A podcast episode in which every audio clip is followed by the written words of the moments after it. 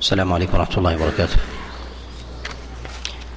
الحمد لله رب العالمين وصلى الله وسلم وبارك على نبينا محمد وعلى آله وأصحابه ومن تبعهم بإحسان إلى يوم الدين. أما بعد ففي هذا المجلس في الخامس والعشرين من شهر ربيع الأمن شهر ربيع الثاني من عام خمس وثلاثين بعد الأربعمائة والألف نتكلم على أول آيات المواريث. من سورة النساء وتقدم معنا الإشارة إلى شيء من أحكامها أو بعض المتعلقات آه، بها. وذلك في قول الله عز وجل يوصيكم الله في أولادكم للذكر مثل حظ الأنثيين. ذكر الله سبحانه وتعالى جملة من الأحكام المتعلقة المتعلقة بالأموال. وذكرنا أن الإنسان لا يمكن أن يفهم إحكام الشريعة ودقة تفصيلها في أبواب في أبواب الأموال. حتى يعرف تسلسلها ويعرف أحكامها كما أمر الله جل وعلا. وذلك أن الله سبحانه وتعالى رتب مصارف الأموال رتب مصارف الأموال بحسب وجودها في حياة الإنسان. من جهة المال المكتسب فيبين الله عز وجل الأموال الحلال والأموال الحرام. ثم ذكر الله سبحانه وتعالى ما يخالط مال الإنسان من أمور الربا على ما تقدم معنا في سورة البقرة. وذكر الله عز وجل أيضا جملة مما يعترض الإنسان من خلطة ماله مما يتعلق بأمور المداينة وكذلك الرهان وكذلك أيضا ما يتعلق بأحكام بأحكام مخالطة مال اليتيم. وتقدم معنا في قول الله عز وجل ولا تأكلوا أموالهم إلى أموالكم إنه كان حوبا كبيرا. وأن الله سبحانه وتعالى حذر من أكل مال اليتيم في مواضع عديدة. وذكر الله عز وجل بعد ذلك ما يتعلق بأمر الصداق وهو أول أول لبنة نفقة الرجل على على المرأة فذكر الله عز وجل صداقها ولهذا يقول الله جل وعلا في كتابه العظيم وآتوا النساء صدقاتهن نحلة يعني فريضة. ثم ذكر الله سبحانه وتعالى ما يلي ذلك من الذرية والنفقة عليها بعد عقد النكاح والدخول بها فإنه يلزم عليه أن ينفق على زوجه وكذلك ولده من ذكر وأنثى. فقال الله سبحانه وتعالى وارزقوهم فيها واكسوهم وقولوا لهم قولا قولا معروفا ثم يكون الإنسان في حال النفقة ثم تأتيه أو يقرب أجله فيكون في ذلك فيكون في ذلك الوصية فلا يحيف الإنسان بها. فذكر الله عز وجل أمر أمر الوصيه أمر الوصية ثم ذكر الله عز وجل بعد ذلك ما يعقب الوصية من الأمر وهو التركة بعد وفاه بعد وفاة الإنسان. هذه القسمة المالية التي ذكرها الله جل وعلا بإحكام لا يمكن للإنسان أن يفهم إحكامه جل وعلا في قوله يوصيكم الله في أولادكم للذكر مثل حظ الأنثيين. أن يعرف القسمة هنا والفرق بين حق ونصيب الذكر والأنثى في المواريث لا يمكن أن يعرف ذلك بما أراده الله عز وجل إلا وقد عرف بقية الأحكام بقية الأحكام الأخرى وكذلك فإن الله عز وجل في هذه الآية في قوله جل وعلا يوصيكم الله في أولادكم قدم الله عز وجل فروض الأولاد على فروض غيرهم من الآباء والأمهات والإخوة والأخوات وكذلك الزوج والزوجة لماذا؟ لأن الأولاد هم أحوج الناس إلى إلى المال بخلاف بخلاف غيرهم بخلاف غيرهم. وذلك أن الزوجة ترث من غير الزوج فإن لها أبا ولها ولها أما وكذلك أيضا وكذلك أيضا بالنسبة للزوج مع الزوجة بخلاف بخلاف الأبناء. فغالبا التركة تكون من الأبوين. تكون من من الأبوين. فذكر الله سبحانه وتعالى الأولاد اهتماما بهما مع أن حق الأبوين أولى من حق أولى من حق الأولاد. أولى من حق الأولاد في البر ولكن لما انقضى أجل الوالد لما انقضى أجل آه، الابن بالنسبة للوالدين لم يكن حينئذ اتجاه إلى إلا إلى المال والمال متعلق بالحاجة. فلما كانت حاجة الأولاد أعظم من حاجة الوالدين فإنه يتوجه في ذلك إلى الاهتمام بهما فإنه يغلب على الأبناء الضعف يغلب على الأبناء الضعف وربما كان فيهما كان فيهما قصر بخلاف الوالدين فالغالب فيهما الكمال.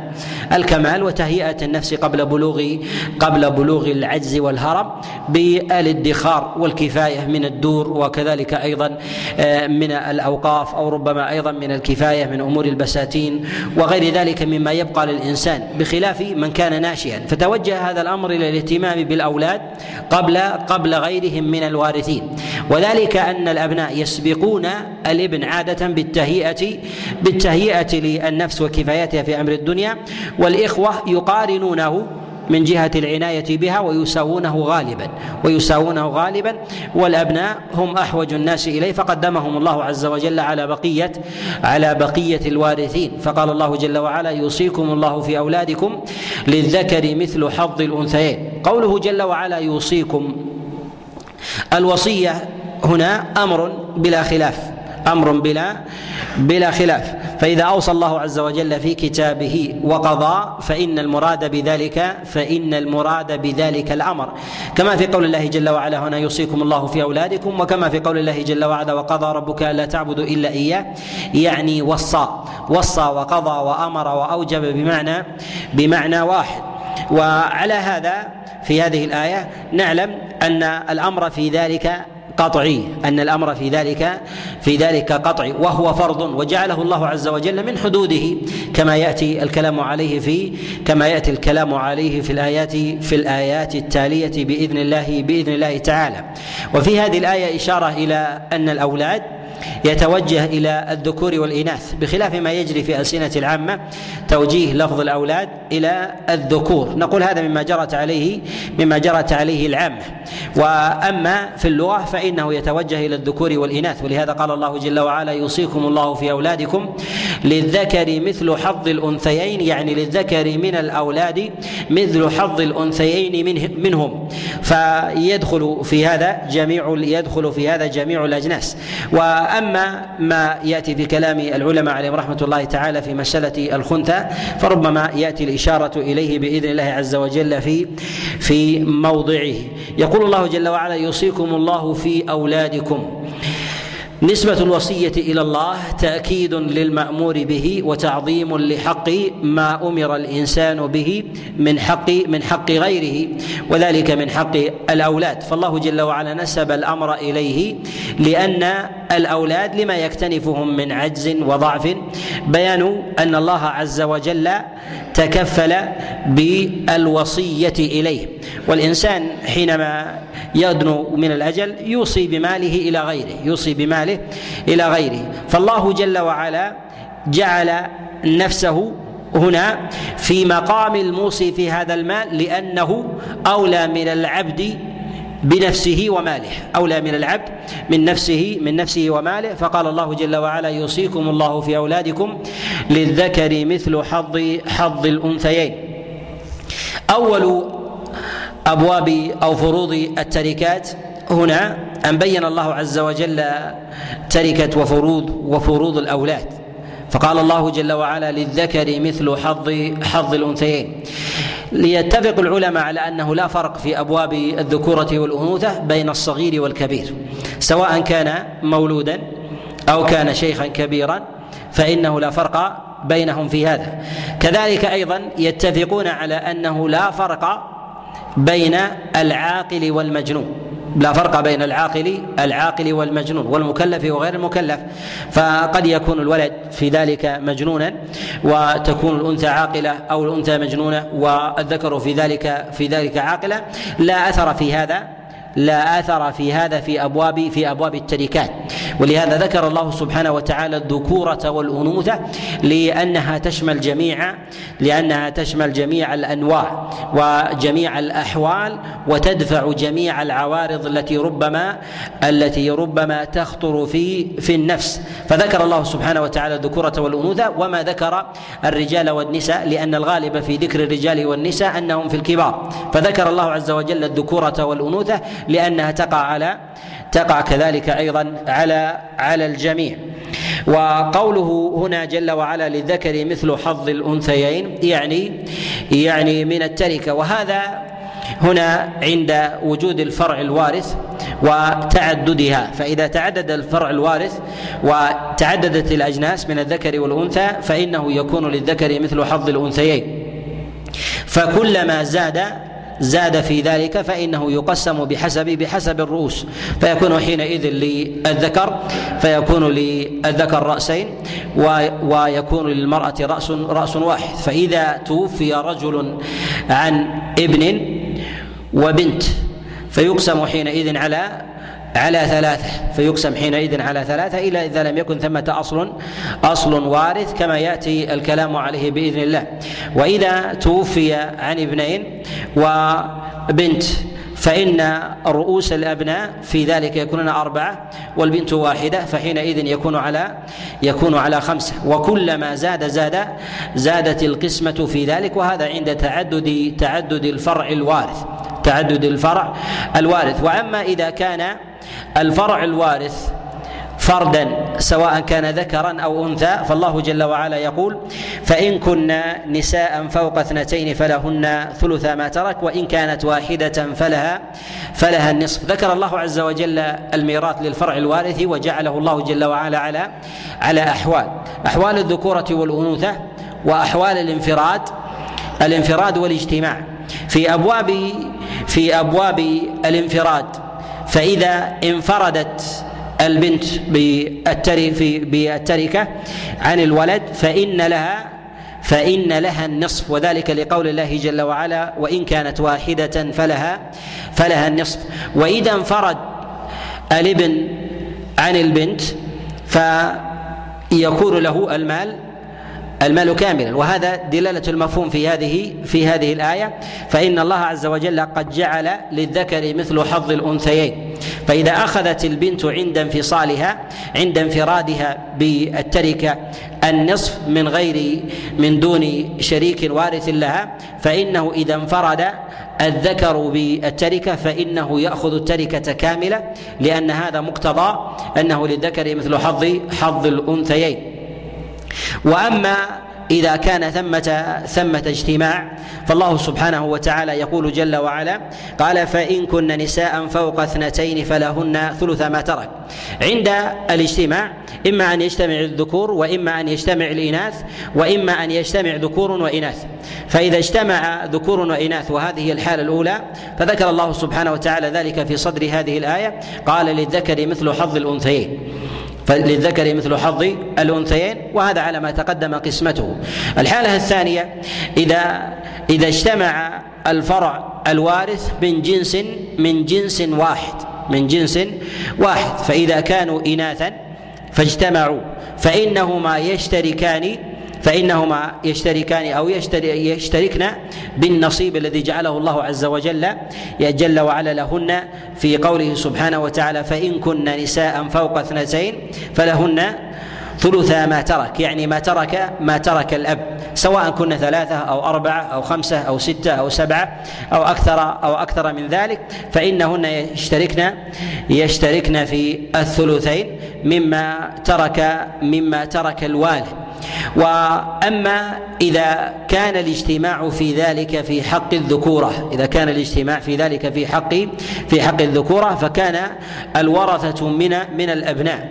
فاثنين وثلاثة أو أربعة أو خمسة ولم يكن ثمة شريك من الفرع الوارث من الإناث. فإنهم يشتركون فيما جعله الله عز وجل لهم من جميع المال. فإذا انفرد الابن بالمال دون البنت وأخذه كله فإنه إذا شاركه إخوته في المال فإنهم يشاركونه أيضا في في المال كله. كما تشترك عند الجمع الابنتان والثلاثة بالثلثين لأنه نصيبهم. كذلك أيضا بالنسبة للأبناء يشتركون في المال فيما قدره الله جل وعلا لهم في هذا. والعلماء عليهم رحمة الله تعالى يتفقون في هذا ويختلفون في العدد في قول الله جل وعلا فإن كن نساء فوق اثنتين فلهن ثلث ما ترك. ذكر الله عز وجل هنا الفوقية في قوله فوق اثنتين. هل يدخل في هذا الاثنتين؟ أم المقصود بذلك ما زاد عن اثنتين الثلاثة؟ فالله عز وجل قد بين حال الاشتراك اشتراك الجنسين وبين حال انفراد الأنثى إن كانت واحدة فلها النصف. وبين الله عز وجل عند التعدد. وعند التعدد إما أن إما أن تكون اثنتين وإما أن يكن أكثر من ذلك ثلاثة فما فوق. عامة العلماء من السلف والخلف على أن الثلثين للإناث يدخل في ذلك الاثنتان فما زاد. الاثنتان فما زاد. ولا فرق بين الاثنتين والثلاثة في هذا في هذا الباب. وقد حكى الإجماع على ذلك جماعة من العلماء كابن عبد البر وابن رشد وغيرهم أنه لا فرق في العدد في هذا.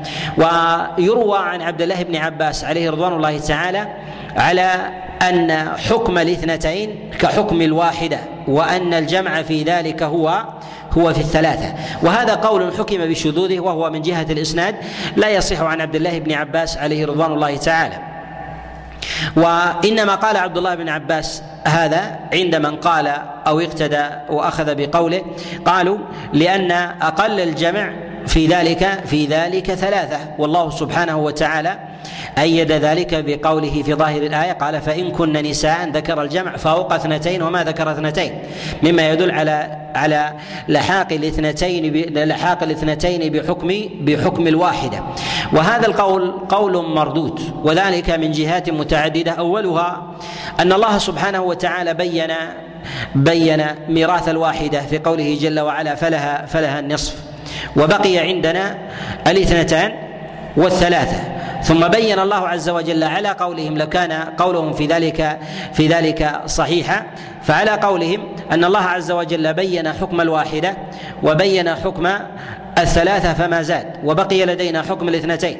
بل بقي لدينا حكم الاثنتين. فما الدليل على إلحاقه بالواحدة؟ والله عز وجل يقول فإن كانت واحدة فلها فلها النصف. فهذا حكم قطعي بين على في حكم الواحدة لا في حكم في حكم الاثنتين. مما يدل على أن استحقاق الواحدة للنصف أظهر وأبين من استحقاق من استحقاق الثلاثة للثلثين فقط من دون من دون البنتين. ولهذا نقول إن الله سبحانه وتعالى حينما بين فرض الواحدة وأن لها النصف والله جل وعلا ذكر فوق اثنتين دليل على دخول الاثنتين في ابواب في أبواب الجمع وما زاد عن ذلك. وأما التمسك بذلك في قول الله جل وعلا فوق اثنتين نقول إن كلمة فوق صلة وزيادة وهذا معروف في كلام العرب. كما في قول الله جل وعلا فاضربوا فوق الأعناق. يعني اضربوا الأعناق وما فوقها. اضربوا الأعناق فما فما فوقها. وكذلك أيضا في قول الله هنا في قول الله سبحانه وتعالى فوق اثنتين يعني اثنتين فما فما فوقها يدخلن في هذا الحكم. ومقتضى القول بهذا في قوله جل وعلا وإن كن نساء فوق اثنتين فلهن ثلث ما ترك. أنه يلزم من هذا أن فرض الاثنتين متروك. أنه يلزم من هذا أن فرض الاثنتين متروك وهو وهو لم ينص عليه بعينه دليل على أنه داخل في حكم الجمع على أنه داخل في حكم في حكم الجمع. ومنهم من يقول ان إن أقل الجمع ثلاثة وهذا المعروف في لغه في لغة قريش ويحملون الألفاظ في أمور الجمع. وفي أمور الجمع في كلام الله سبحانه وتعالى على الثلاثة فما فوق ويأتي هذا في مسألة الإخوة مع الأم في مسألة الإخوة مع الأم وذلك بالحجب حجب الأم من الثلث إلى إلى السدس وخلاف العلماء عليهم رحمة الله تعالى في هذا الباب ان من الذي يحجب الأم من الثلث إلى السدس؟ هل الاثنان يحجبانها أم لا بد من ثلاثة؟ فما فما زاد هذا أيضا من مسائل الخلاف. ولكن هذه إن هذه المسألة نقول إنها مسألة لا لم ينص عليها بيقين فيرجع في ذلك إلى الإجمال فيرجع في ذلك إلى إلى الإجمال ويأتي الكلام عليها بتفصيله. أما هنا فالله سبحانه وتعالى حدد حكم الواحدة. وما حدد حكم الاثنتين؟ وحينما فصل في حكم الواحدة أن لها النصف دل على أن ما عداها يخرج عنها وما عداها قال فوق فوق اثنتين يعني اثنتين وزيادة. و الوجه الثاني من الوجوه الذي يرد على هذا القول بأن القول بأن اثنتين تأخذ حكم تأخذ حكم الواحدة بالنصف وأنه قول شاذ أن البنات أولى بالإرث بالإرث من من الأخوات مع الأخ. فإنه في حكم الكلالة في آخر سورة النساء لما ذكر الله عز وجل أحكام الكلالة الذي الذي يتوفى وليس له ولد وله أخت. فلها نصف ما ترك وهو يرثها إن لم يكن لها ولد. ولكن إذا كانوا جمعا فلهما فلهما الثلثان مما مما ترك. يعني إذا كانت اثنتين أخوات فيرثان الثلثين مما ترك الأخ مما ترك الأخ. فأيهما أولى بالإرث بالاثنتين؟ الأخت الأخوات من الأخ أم البنات من الأب؟ البنات من الأب. وهذا يدل على أن على أن البنتين يدخلان في حكم أن أن البنتين يدخلان في حكم في حكم الجمع. في قوله سبحانه وتعالى فإن كن نساء فوق اثنتين فلهن ثلث ما ترك. وأما من يقول إن الله سبحانه وتعالى ذكر النساء هنا في قوله جل وعلا فإن كن نساء فوق اثنتين فلهن ثلث ما ترك نقول جرت مجرى الأغلب. ذكر النساء هنا جرت مجرى الأغلب. على القول بأن الاثنتين ليست بجمع فنقول جرت مجرى الأغلب. ومعنى الأغلب أن المتروك من النساء في الغالب أنه يكون جمع. إصابة الاثنتين قليلة. إصابة الاثنتين قليلة والغالب في في الورثة أنهم يكن يكن جمعا فجرى فجرى على هذا على هذا ظاهر ظاهر اللفظ. وقوله سبحانه وتعالى فإن كن نساء فوق اثنتين فلهن ثلث ما ترك وإن كانت واحدة فلها فلها النصف. عند انفراد البنت عن الأخ فإنها تأخذ النصف وإذا انفرد الابن ولم يكن ثمة فرع وارث من البنات فإنه يأخذ المال كاملا إذا لم يكن ثمة أصل أصل وارث. وإذا كان ثمة أصل وارث فإن فإنه يأخذ الأصل الوارث مع مع الفرع الوارث السدس. والأصل الوارث من الأبوين الاب والأم عند وجود الفرع الوارث فإنهما يستويان يستويان في الفرض يستويان في الفرض وفرضهما في ذلك وفرضهما في ذلك السدس كما ذكره الله سبحانه وتعالى في قوله جل وعلا قال وإن كانت واحدة فلها النصف ولأبويه لكل واحد منهما السدس مما ترك إن كان له إن كان له ولد. وفي قوله سبحانه وتعالى هنا إن كان له ولد الولد هنا جنس على ما تقدم سواء كان من الذكر أو الأنثى ولا فرق في ذلك بين بينهما عند حجب الأم عند حجب الأم فإنه يكون في ذلك النصيب للأب والأم في ذلك السدس عند وجود الفرع الوارث سواء كان ذكرا أو كان أو كان أو كان أنثى. نصيب الأبناء والبنات من جهة الفرض من جهة الفرض لا ينقصه الأصل الأصل الوارث ولكن ينقص من جهة القيمة ينقص من جهة القيمة. وأما بالنسبة للأصل الوارث ينقصه وجود الفرع الوارث. ينقصه وجود الفرع الوارث فرضا وقيمة. فرضا فرضا في ذلك وقيمة كما يأتي بيانه بإذن الله بإذن الله تعالى. وذلك أنه إذا وجد الأولاد من البنين والبنات سواء وجد الأصل الوارث أو لم يوجد فإن الفرض في ذلك واحد. الفرض في ذلك الفرض في ذلك واحد.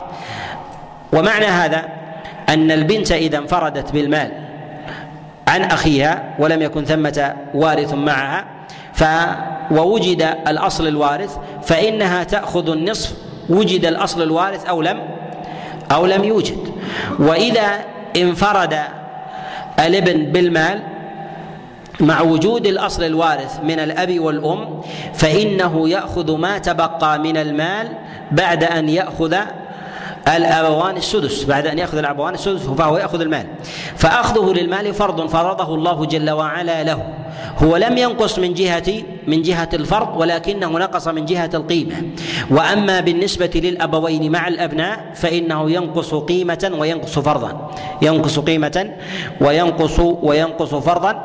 وذلك أن الله جل وعلا يقول في كتابه العظيم وإن كانت واحدة فلها النصف ولأبويه لكل واحد منهما السدس مما ترك إن كان له ولد. إن كان له ولد. وعلى ما تقدم إن الولد هنا جنس شامل للجنسين.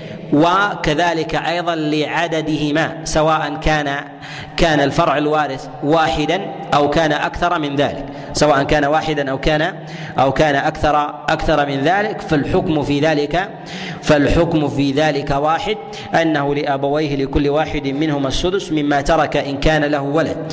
ونلخص حكم الأبوين.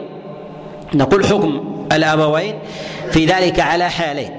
الحالة الأولى مع وجود الفرع الوارث سواء كانوا ابناء أو بنات.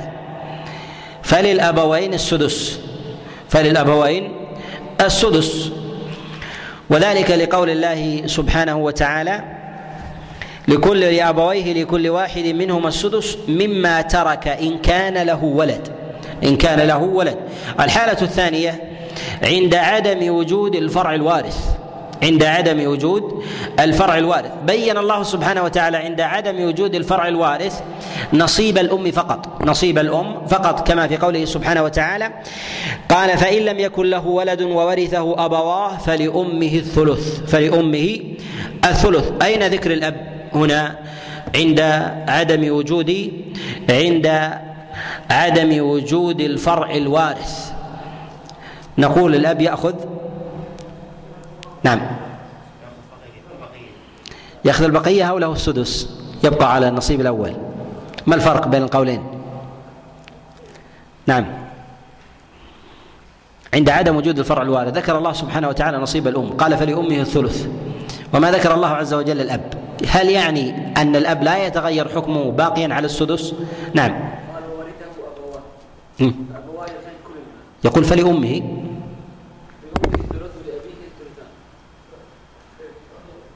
نعم. ها؟ نعم. لا.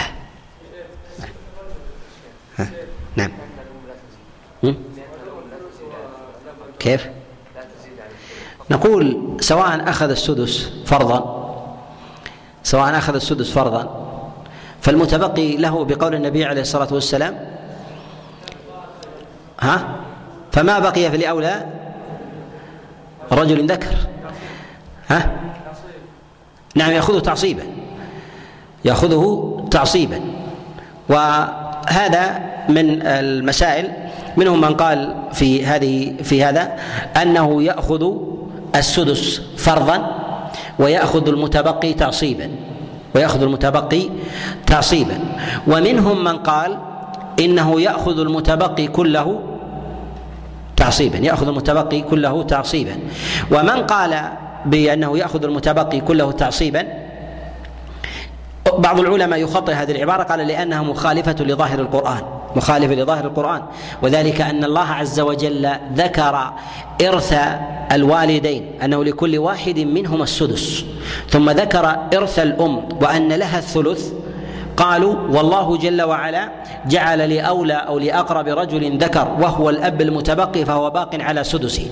ولهذا عمرو بن شرحيل الشعبي رحمه الله سأله رجل عن رجل ترك أبا وبنتا ترك أبا ترك أبا أبا وبنتا.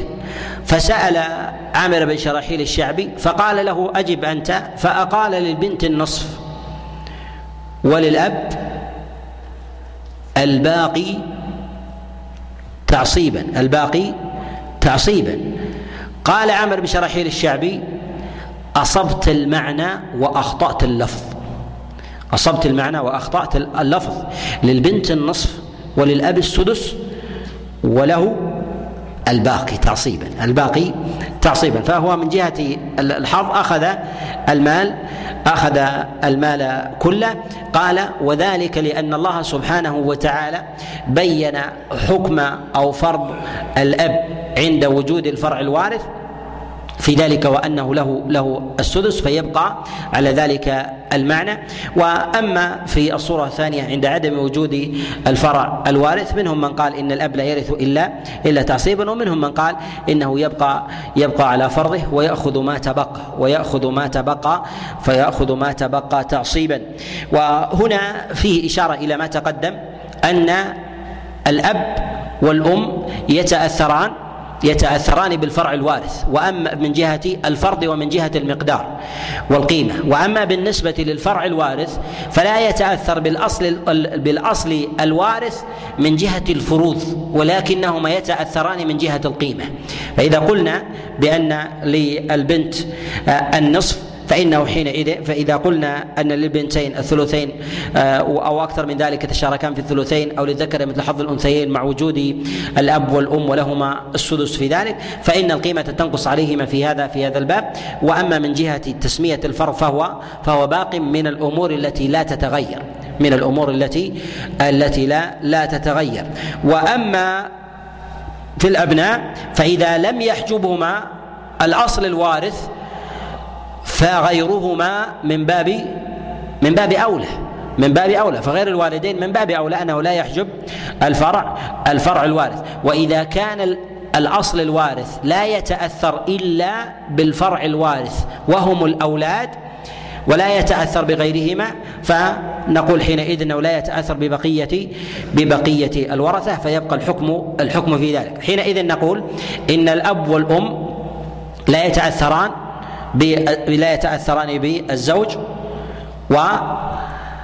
والزوجة ولا يتأثران أيضا بغيرهم ممن كان ممن كان من ممن هو ابعد أبعد منهما من أهل من أهل الفروض أو كان من الأقربين لثبوت هذا الحكم لأنهما من جهة الحكم جاء بعد ذكر بعد ذكر الأولاد. بعدما ذكر الله سبحانه وتعالى الأولاد ذكر من ينازعهما من جهة الحق من جهة الفرض وكذلك أيضا من جهه من جهة القيمة. وما ذكر الله عز وجل في ذلك الا ما ذكر الله عز وجل في ذلك الا إلا الأبوين دليل على أنهما هما اللذان يؤثران على بعضهما وما عداهما وما عداهما فلهم تأثير آخر. وفيه أيضا إشارة أن الأبناء إذا أثروا على الوالدين فيؤثرا فيؤثرون على غيرهما من باب فيؤثرون على غيرهما من باب من باب أولى. وذلك أنهما يؤثرون على الزوج والزوجة عند وفاة الأب. فان فإن المقدار في ذلك يختلف إذا توفي الزوج وعن زوجته وليس له وليس له فرع وارث فلها في ذلك الربع وإذا كان له فرع وارث فإنه يكون لها الثمن وكذلك أيضا بالنسبة للزوجة إذا مات عن زوجها إذا كان ثمة فرع وارث فان إن فإنه يختلف بذلك على ما يأتي بيانه بإذن الله تعالى. على هذا نقول ان إن أعظم الورثة نصيبا في المواريث هم الأولاد ثم بعد ذلك الأبوين ثم بعد ذلك الأبوين ويأتي شيء من تفصيل ذلك ومزيد من تفصيل ذلك في في الآيات التالية بإذن الله تعالى. وفي قوله جل وعلا فلأمه الثلث فإن كان له إخوة فلأمه السدس من بعد وصية يوصي بها أو دين. بعدما ذكر الله سبحانه وتعالى تأثير الأبناء على الأم من جهة ما فرض الله عز وجل لها أن الأبناء إذا وجدوا أن الأولاد إذا وجدوا فإن الأم تأخذ في ذلك السدس.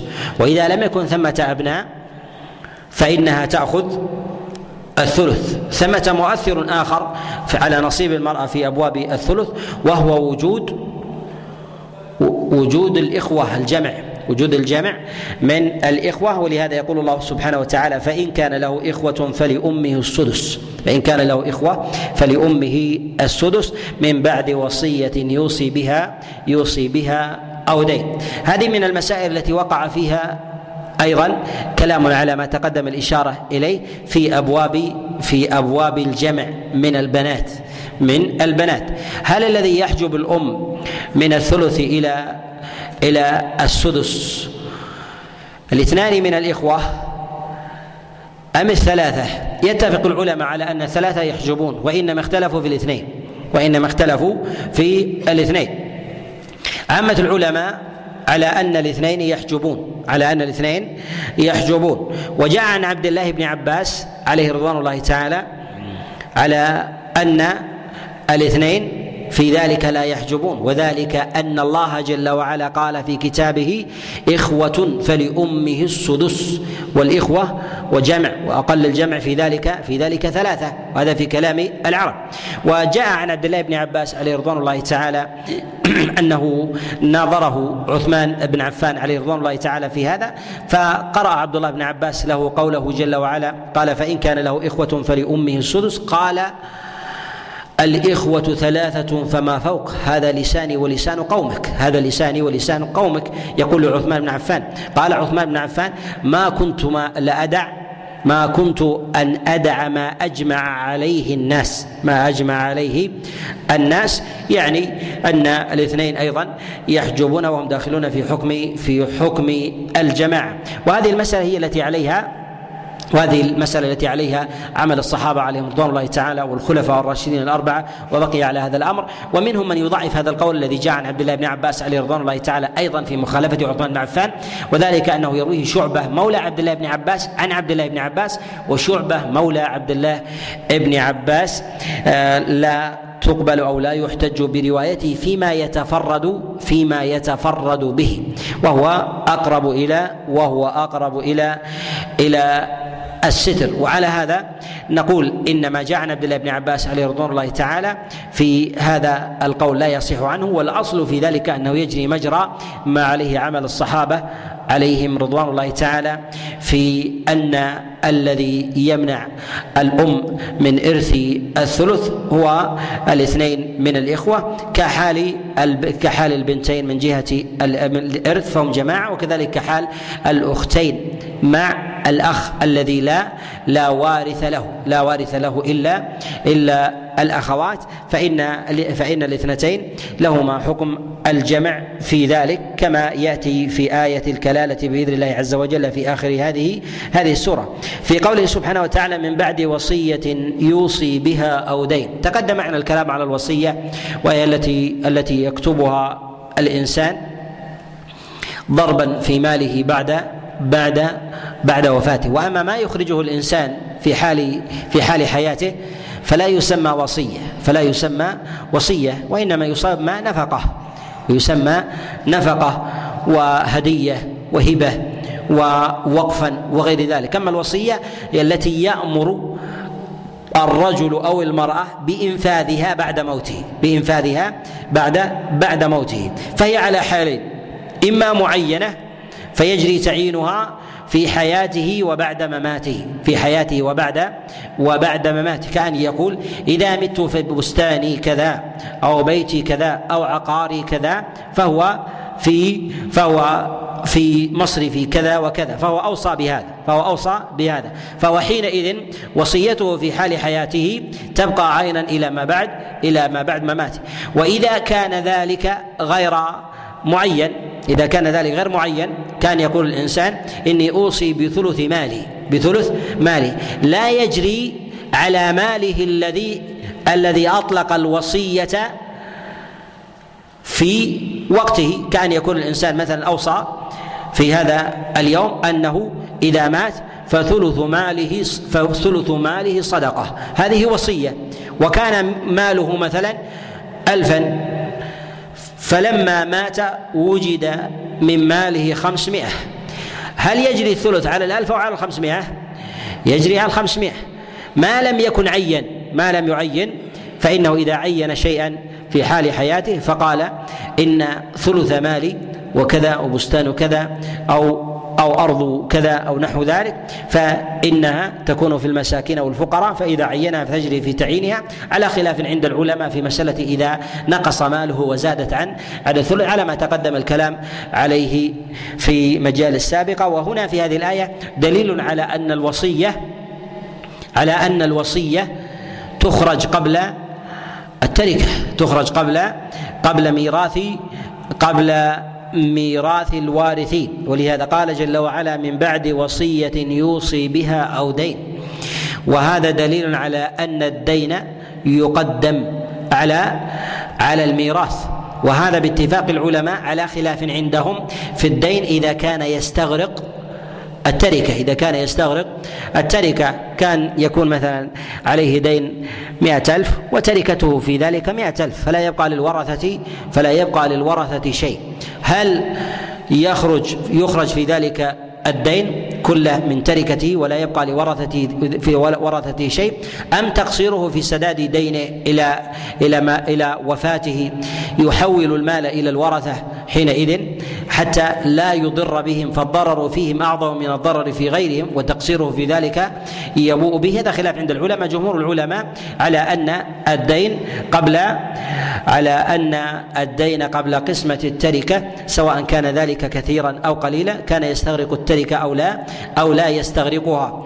والدين والوصية على ما تقدم يقدمان على يقدمان على على إرث على إرث الورثة وهذا ظاهر في قوله من بعد وصية يوصي بها يوصي بها أو دين وهنا مما لم ينص عليه مما يجري عادة من نفقة الإنسان بعد وفاته. هل تجري على نفقته في حال حياته؟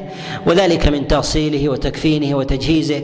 أو إذا كان بعيدا عن أهله بحمله بتابوت ونفقة ونفقة إتيانه إلى بلده. إذا أوصى مثلا أو لم يوصي أن يدفن في بلدة كذا وكذا هل يؤخذ ماله هل يؤخذ مال تجهيزه من أصل ماله أو من ثلثه إذا أوصى إذا أوصى بالثلث عاما. نقول إن العلماء عليهم رحمة الله اختلفوا في هذه المسألة فمنهم من قال إنها من أصل المال. إنها من أصل المال. تؤخذ من أصل المال لا من الثلث. تؤخذ من أصل المال لا لا من الثلث.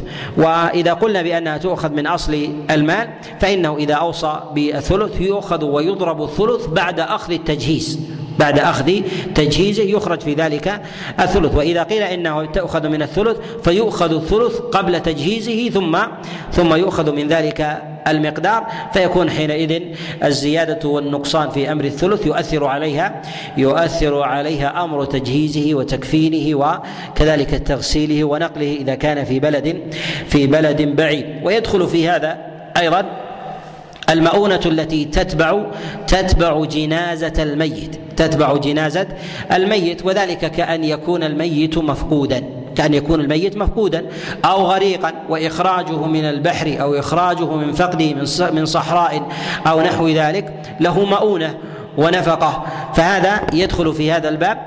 وأما عدم ذكر ذلك لجريانه لجريان العادة عليه.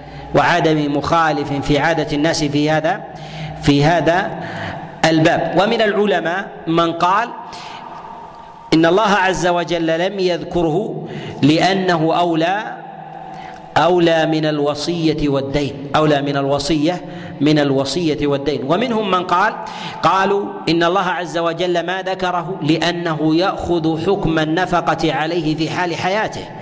وكذلك أيضا في حال مرضه إذا كان في آخر حياته وأغمي عليه فإنه ينفق عليه من ماله ينفق عليه من ماله اجماعا. ينفق عليه من ماله اجماعا في علاجه وتطبيبه وكذلك كسوته وإن لم يكن وإن لم يكن عاقلا مدركا. قالوا كذلك حاجته بعد موته حتى يوارى. حتى يوارى فإنها تكون من من أصل ماله.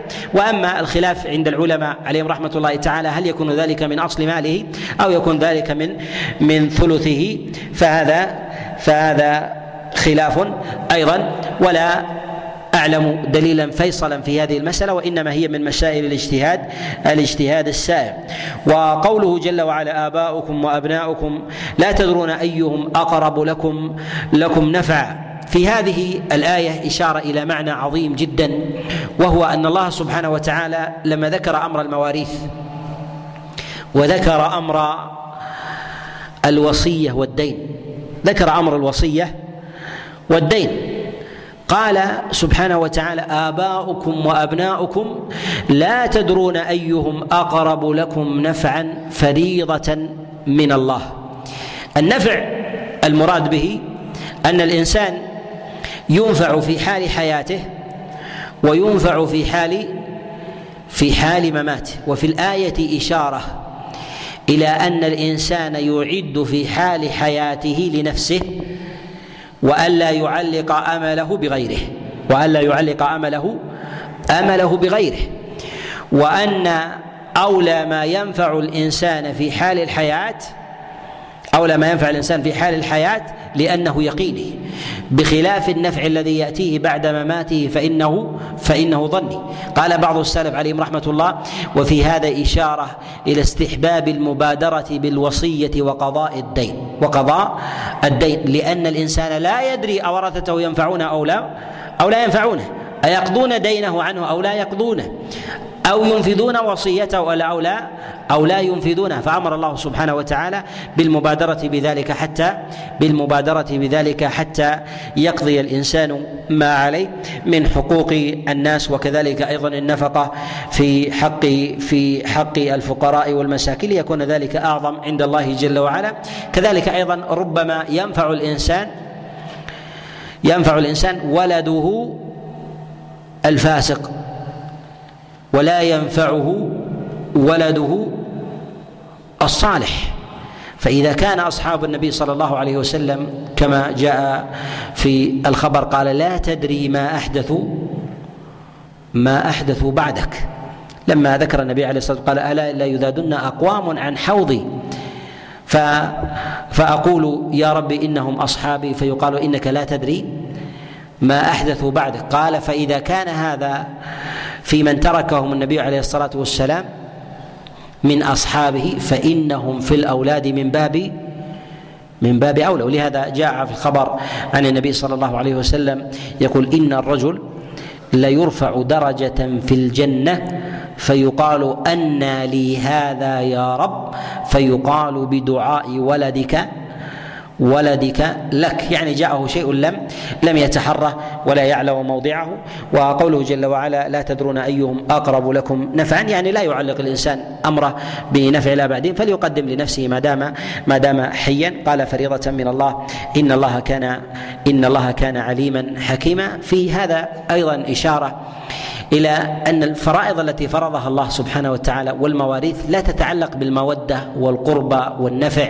ربما بعض أولادك يكون أنفع لك وكذلك بعض الأقربين أحسن إليك وبعضهم ربما يؤذيك ونحو ذلك. فريضة الله سبحانه وتعالى لا تتعلق بالنفع وغيره هو حق مالي. جعله الله سبحانه وتعالى إليهم ويتضمن أيضا هذا المعنى النهي عن الوصية الورثة إضرارا بالورثة الباقين وقوله سبحانه وتعالى فريضة من الله إن الله كان عليما حكيما. إشارة إلى أن قوله جل وعلا يوصيكم الله في أولادكم أن المراد بها الأمر والفرض. ولهذا قال في آخر ذلك قال فريضة من الله قال إن الله كان عليما حكيما. ذكر الله جل وعلا اسمين من أسمائه العليم والحكيم. ذكر اسمين من أسماء العليم العليم والحكيم يعني العليم بما يصلح أحوالكم وما يفسدها والحكيم معناه في ذلك الذي يضع الأشياء في موضعها فيعلم سبحانه وتعالى ما يصلح الحال وما يصلح المآل فيقسم الله عز وجل الأموال بما يصلح بما يصلح الحالين بما يصلح الحالين. وربما ضعف نظر الإنسان عن إدراك عن إدراك المآلات فأخطأ فأخطأ في في الحالات العاجلة فأخطأ في الحالات العاجلة أو ربما تجرأ ورد حكما من أحكام الله سبحانه وتعالى لنظره القاصر وحكم الله سبحانه وتعالى أولى بالأخذ من كل نظر ولهذا الله جل وعلا يقول في كتابه العظيم ما كان لمؤمن ولا مؤمنة إذا قضى الله ورسوله أمرا أن يكون لهم الخيرة من أمرهم. أن يكون لهم الخيرة يعني لا اختيار مع أمر الله سبحانه وتعالى. نتوقف عند هذا القدر. وأسأل الله عز وجل لي ولكم التوفيق والسداد والإعانة.